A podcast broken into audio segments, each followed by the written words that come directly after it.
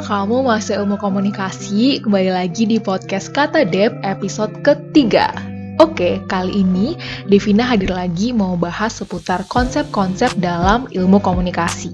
Seperti yang ada di artikel Kompasianaku yang judulnya adalah Memahami Konsep dan Elemen Multimedia Interaktif, podcast ini akan spesifik membahas tentang bagaimana langkah-langkah produksi konten multimedia interaktif. Nah, buat kamu yang mungkin belum tahu dan juga belum paham tentang multimedia interaktif itu gimana sih gitu. Jadi, multimedia dulu ya, itu adalah kombinasi dari gambar, suara, grafik, dan teks untuk menghasilkan sebuah cerita yang utuh. Penerapan kombinasi inilah yang menjadikan sebuah konten multimedia itu interaktif, teman-teman. Contohnya nih, mungkin kamu juga udah pernah punya nih pengalaman nih, saat kita baca artikel di internet, kita bisa langsung klik audionya gitu. Kita juga bisa lihat gambarnya, misalnya ada potret kejadian, kita bisa langsung tahu. Atau kita juga bisa putar videonya, dan semuanya itu kita akses dalam satu laman. Nah, itu semua yang disebut sebagai multimedia interaktif.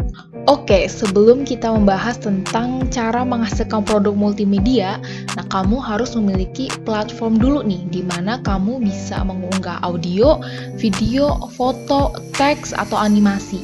Contohnya, kamu bisa buat blog misalnya di Blogger atau WordPress.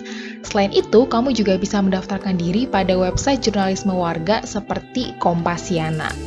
Nah, untuk persiapannya, step-stepnya ini Devina kutip dari bukunya Tay Vaughan, judulnya adalah Multimedia Making It Work. Dan di sini ada empat langkah yang bisa kamu lakukan untuk memproduksi konten multimedia interaktif. Step pertama, planning and costing. Nah, sebuah project itu kan selalu dimulai dari ide. Sebagai kreator, kamu perlu mengidentifikasikan pesan apa sih yang ingin kamu berikan kepada audiens.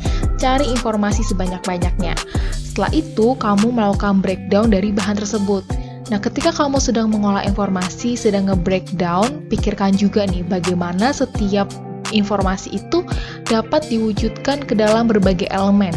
Misalnya, oh untuk tips dan triks aku mau jadikan infografis deh gitu terus juga ada oh untuk profil narsum kayaknya cocoknya podcast deh nah kalau kamu udah memikirkan ini dari awal ini dapat mempermudah kamu untuk tidak terpaku ke dalam satu bentuk atau satu elemen aja. Di step planning dan costing ini itu ada tips khusus di bukunya Tay Vaughan ini yaitu look and feel. Melihat dan merasakan dari point of view pembaca online atau target audience. Jadi saat kamu melakukan planning kamu coba pikirkan nih kira-kira saat pembacanya ini baca berita online itu mereka pengen lihat apa sih apa yang bisa mereka rasakan apa yang kamu ingin mereka ingat dan pelajari.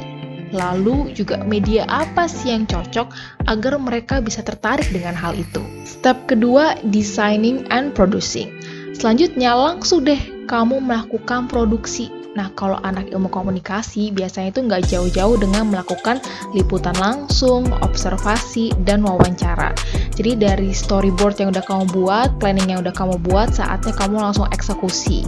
Nah, kalau udah eksekusi, nah kamu langsung deh menuangkan bahan-bahan itu ke dalam teks, video, audio, maupun infografisnya. Step ketiga, testing. Nah, sebelum dipublikasikan, kamu bisa melakukan tes dulu nih, kira-kira produknya itu udah cocok belum? Udah ngalur belum dari teksnya, video, audio, infografik itu udah satu kesatuan atau belum? Nah, kamu mungkin bisa minta saran atau kritik misalnya dari dosen, dari teman-teman kamu, atau mungkin orang-orang yang kamu anggap itu bisa capable gitu untuk memberikan penilaian ke produk kamu.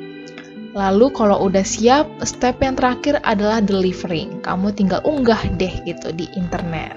Nah, simple kan persiapannya? Setelah ini, kamu tetap harus berlatih ya agar bisa mengetahui aspek penting dan angle yang bisa menarik perhatian audiens online dari elemen foto, video, audio, animasi, teks, dan lain-lain kamu bisa nih cari referensi dari situs online atau media sosial. Jadi kita jangan terlalu idealis dengan model yang harus bagus gitu, tapi tetap memperhatikan format konten seperti apa yang memiliki engagement yang tinggi. Terakhir, ini juga penting banget nih, kamu jangan lupa untuk jalin koneksi dengan content creator atau jurnalis lain dari berbagai platform, misalnya dari Twitter, Facebook, Instagram, YouTube gitu.